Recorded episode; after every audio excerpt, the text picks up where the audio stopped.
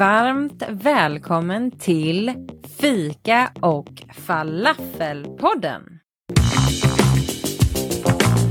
En fullspäckad godispåse fylld av föräldraskap, olikheter, djupa samtal och mycket humor. En podd, två kulturer. Med mig, Josefin Roxvall och min fantastiska och kryddiga co-host Zainab Jaber. Så lyssna och njut.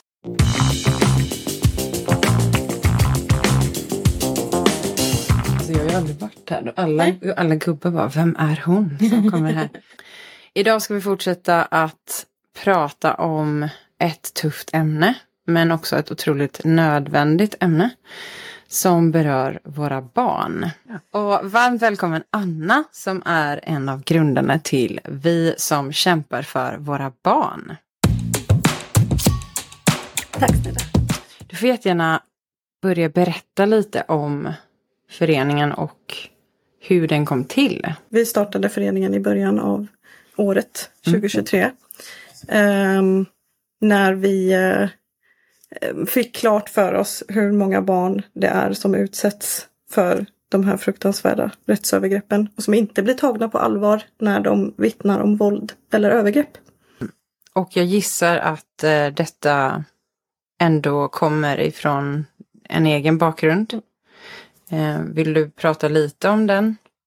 Ja, ehm, vi, eh, vi som driver föreningen, vi är ju alla då eh, Eh, föräldrar som har egna erfarenheter av det komplexa rättssystemet. Och vi har eh, vi, vi har kämpat eh, i många år i de här rättsprocesserna för att få skydda våra barn. Ehm, kämpa mot ett samhälle som inte förstår. För att vi har, dels har vi förstått att det här är så det, det, det är så utbrett och det är så vanligt att barn inte blir tagna på allvar.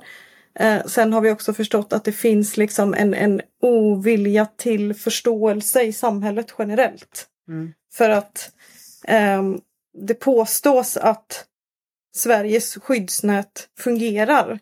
Men vi ser att det är en, en fasad. Och det finns många barn som faller rakt igenom det här skyddsnätet. Barn eh, berättar till exempel eh, på förskolan att de blir utsatta för våld eller övergrepp av en förälder. Ehm, förskolan gör orosanmälan och, och socialtjänsten vidtar skyddsåtgärder. Mm, och sen blir det då en, en process i domstol, antingen om eh, umgänge eller om vårdnad och då blir familjerätten inkopplad och gör en, en vårdnadsutredning. Finns det någon statistik på? Alltså jag gissar att ni har grottat lite i det. Ja, ja. Och vad säger statistiken? Statistiken säger att i ehm, alltså 65, i 65 procent av alla eh, mål i domstol som rör vårdnad, boende och umgänge så förekommer det uppgifter om våld. Och i 99 procent av de här fallen så går domstolen på familjerättens bedömning. Alltså de ehm, har inte rätt kompetens för att utreda brott mot barn, som Nej. det ju handlar om. Mm. Utan det finns en, ehm, vad ska man säga, en utbredd attityd som handlar om att man ehm, antar att barnen har blivit påverkade av en förälder och att de inte ska tas på allvar då. Idag så behöver, alltså du behöver inte ens vara utbildad socionom för att jobba på familjerätten. Du behöver inte ha någon särskild kompetens gällande barn och våld och övergrepp. Så att vi tycker ju att ehm, familjerätten ska inte ha det här uppdraget att utreda barns vårdnad, boende och umgänge på, på uppdrag av domstol. Utan vi tycker att det uppdraget ska gå till barnahus som har... mm, Där finns ett nätverk av kompetenta barnutredare, det är barnpsykologer, det är polis, det är läkare, det är, det är åklagare som samarbetar och som är experter på att utreda brott mot barn. Vad heter det? Barnahus? Okej, okay. och alltså för oss som inte riktigt vet vad det innebär, vad, vad är skillnaden? Um, ja, Barnahus uh, har idag ett uppdrag att uh, um, hålla barnförhör. På uppdrag av åklagare så håller de barnförhör med barn som är misstänkt utsatta för brott. Då. Anser ni att det är liksom bristen på kompetens eller är det någonting större än så när det kommer till den här typen av som familjerätten utreder? Eh, vi anser att det är, det är en blandning av brist på kompetens eh, och en, eh, vad ska man säga, en, en, en generell eh, attityd. Som, eh, där, där vi ser då att man låter föräldrarätten gå före barns rätt till skydd från våld och övergrepp. Ja, det som är intressant här är faktiskt att jag hade ett, eh, du, kan, eh, du kanske inte har sett det, men jag gjorde precis ett avsnitt med om narcissist och mm. psykopat. Och där sa ju Annika då precis samma sak. Det är ett jätteproblem att familjerätten inte har utbildning eller kunskap för att det är lika mycket manipulation eh, i, i det sammanhanget. Men rent känslomässigt när man får reda på det här eller märker det och börjar dra i det här. Mm. Hur ser en sån process ut? Hur ser en sån process ut? Eller hur ser det känslomässigt eller praktiskt? Både eller hur? Både och. Um, jag skulle säga um, det är ju alltså total vanmakt. Du känner total vanmakt, maktlöshet. Du känner dig um, um, så sviken. Alltså inte, inte då bara av en, säg om du är en, uh, en, en, förälder som, som har då skyddat ditt barn och du har eh, antingen så är du, ehm, du har själv varit utsatt av den andra förälder, barnets andra förälder eller du har varit, eh, du har varit vittne eller du har valt att tro på ditt barn. Någonting av detta. Ehm, och inte, inte nog med då att du har den här medföräldern emot dig som är din, också din före detta partner. Och där är ju liksom ett, eh, ett traumaband som blir jättestarkt. Men inte nog med det utan också då att få eh, stora delar av samhället emot dig. Men när det kommer till övergrepp eh, och jag vet inte om man ska, jag vet inte om man kallar det pedofili. Eller är det någonting mer? Det vet du säkert mer än vad jag vet. Pedofili och eh, incest. Mm. är det när det handlar om familjemedlemmar. Hur vanligt är det att man pratar om det? Alltså barnet i sig. Mm. Alltså hur vanligt, när kommer det till ytan? Vem brukar de berätta det för? Um, det är ganska så ovanligt att barn pratar om det här. Uh, det är också ganska ovanligt att barn förstår allvaret av det. Det vanligaste är att barnen uppvisar en, en form av beteende som um, gör att det står klart att det här barnet har blivit utsatt för någonting sexuellt som inte är lämpligt. Um, och när det kommer till övergrepp och även våld, både fysiskt och psykiskt våld mot barn så är det ju um, jag skulle säga att det allra vanligaste är att barn anförtror sig åt den vuxen som de känner högst förtroende för. Och det är ju oftast den föräldern som är trygg då. Det är därför det blir så oerhört problematiskt när den föräldern då sen inte blir trodd och inte blir tagen på allvar och inte barnet heller. Hur lång tid tar det att ta sig ifrån en sån här person? Det, det är väldigt svårt att säga. Det är ju oerhört individuellt. Um, och det kommer ju ett ja, eftervåld. Det kommer jag. ett eftervåld. Alltså jag skulle vilja säga så här att allting hänger på om den våldsutövande föräldern är villig att så att säga inse sina misstag och inse sina fel och brister och är villig att eh, eh, genomgå behandling och förändra sitt beteende. Alltså om, om man får till det, då är det ju Alltså, för eftersom att lagstiftningen ser ut som den gör och barn ska ha tillgång till båda sina föräldrar så idag så är det så mycket som hänger på det. Mm. Och i den bästa av världar så skulle ju en förälder inse det här. Oj, jag har faktiskt skadat mitt barn. Jag ska nog tänka om. Men vad vi ser så är det här mm, otroligt ovanligt. Alltså i de allra flesta fall så är det ju tvärtom. Att en våldsutövande förälder inte eh, vill erkänna för sig själv eller någon annan att man har gjort någonting fel. Mm. Nu ska man inte dra mm. män och kvinnor över mm. en kam men är det mer vanligt att det handlar om eh, mm. brott från mannen än från kvinnan? Det är mer vanligt att det handlar om en våldsutövande pappa. Men mm, vi, vi har också eh, Alltså vi känner till fall där det handlar om en, en våldsutövande mamma men de är mycket färre. Mm. Alltså det som är den avgörande faktorn är att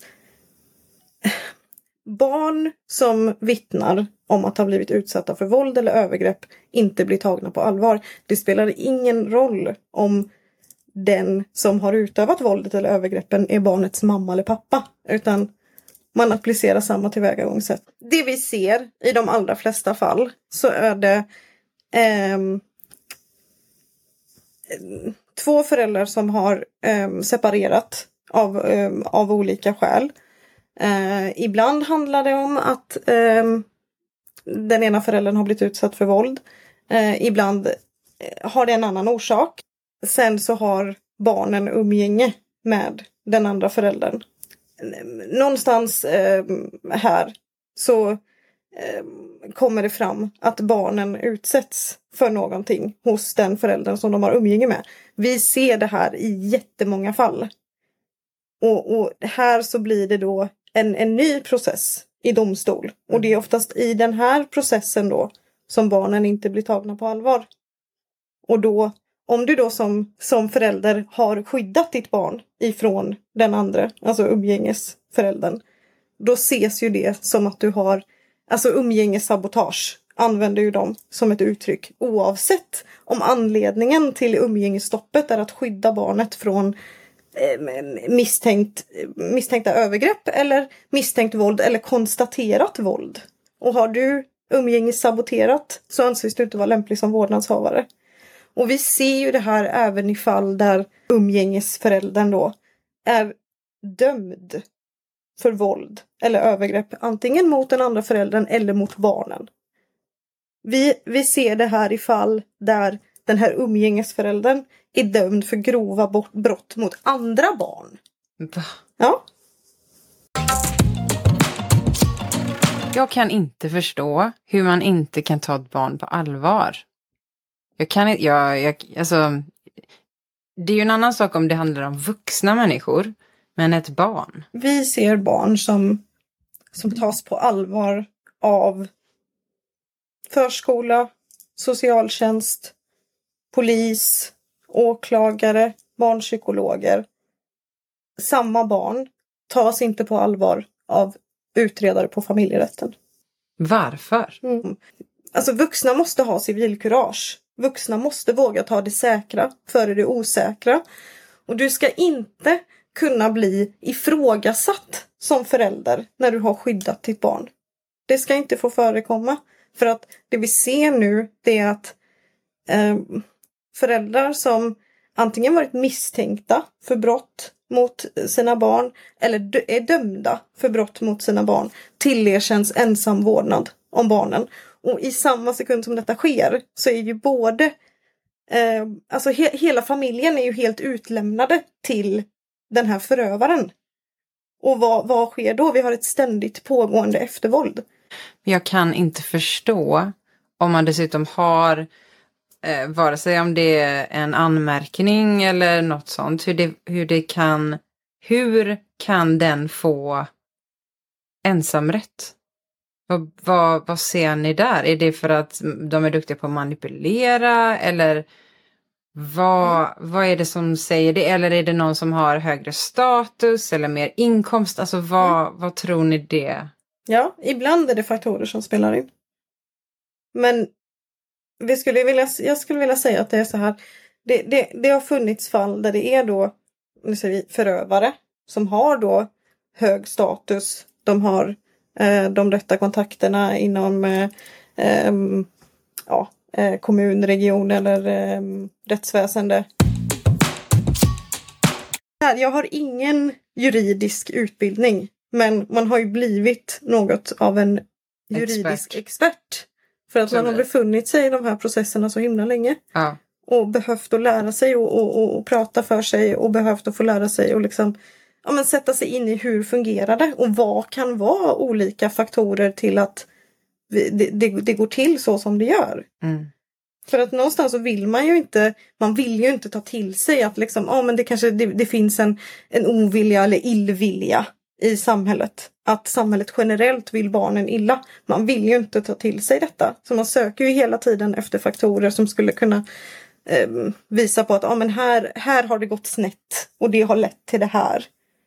Men ja, alltså jag, vi, vi, vår förening tror ju på vad ska jag säga, upplysning, information. Vi, vi vill ju eh, belysa det här och eh, låta allmänheten veta att det går till så här i väldigt många fall.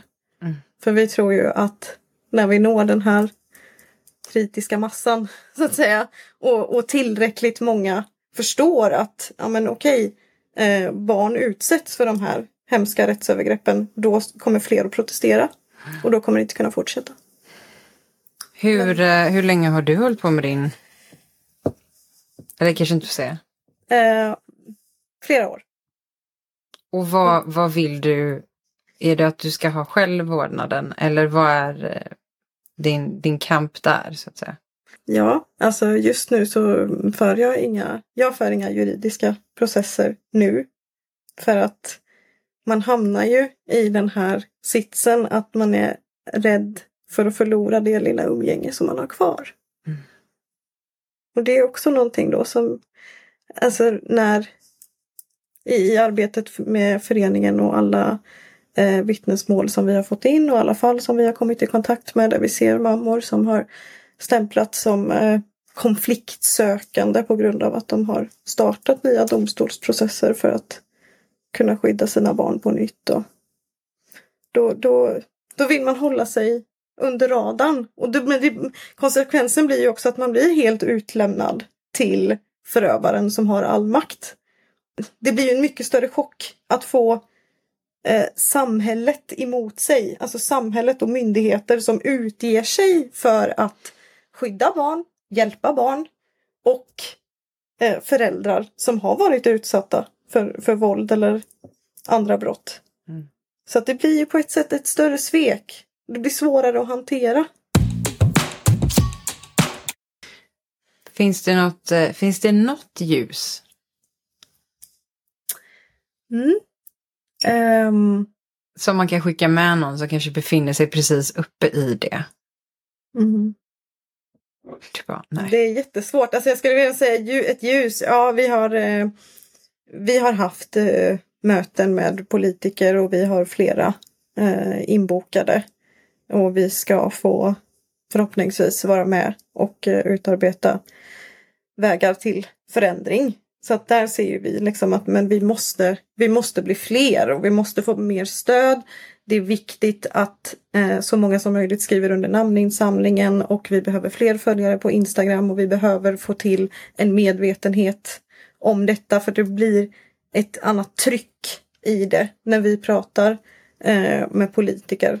Um, och det här, ja, jag kan se att det här är ett ljus. För det, det är så svårt och det, det finns också en anledning till att vi, vi säger ja, i vår förening, vi, vi ger ingen eh, juridisk rådgivning eller så. Vi kan, vi kan ge stöd men vi ger ingen liksom, vägledning eller hjälp på det sättet för att så länge som systemet ser ut på det här sättet så mm, fin, alltså det, det, finns inga garantier. Om du väljer att skydda ditt barn från våld eller övergrepp så finns det inga garantier. Så för alla som lyssnar så går alla in och följer vi som kämpar för våra barn på Instagram. Finns det någon merstans? Facebook. Facebook. Mm, och vi har en hemsida en hemsida. Ja. Där man också kan då, är det på hemsidan man kan skriva under det här? Eh, det finns länk på Instagram i vår profil. Sverige kallar sig ett eh, föregångsland när det kommer till att beakta barns rättigheter. Men år efter år får Sverige omfattande kritik av FN för att vi inte vi klarar inte att leva upp till detta. Men ändå så eh, det får inte mer, det får inte mediebelysning, alltså det kommer inte till allmänhetens kännedom. Att det går till så här. Det kommer till allmänhetens kännedom när det leder till ett dödsfall. Alltså när det är ett barn som dör i händerna på sin förälder. Då kommer det till allmänhetens kännedom. Men det, sen, sen så dör det ut, sen blir det tyst. Och, och folk går vidare med sina liv och förstår inte och tänker att det här kommer aldrig drabba mig eller mina barn. Men ni har ingen aning.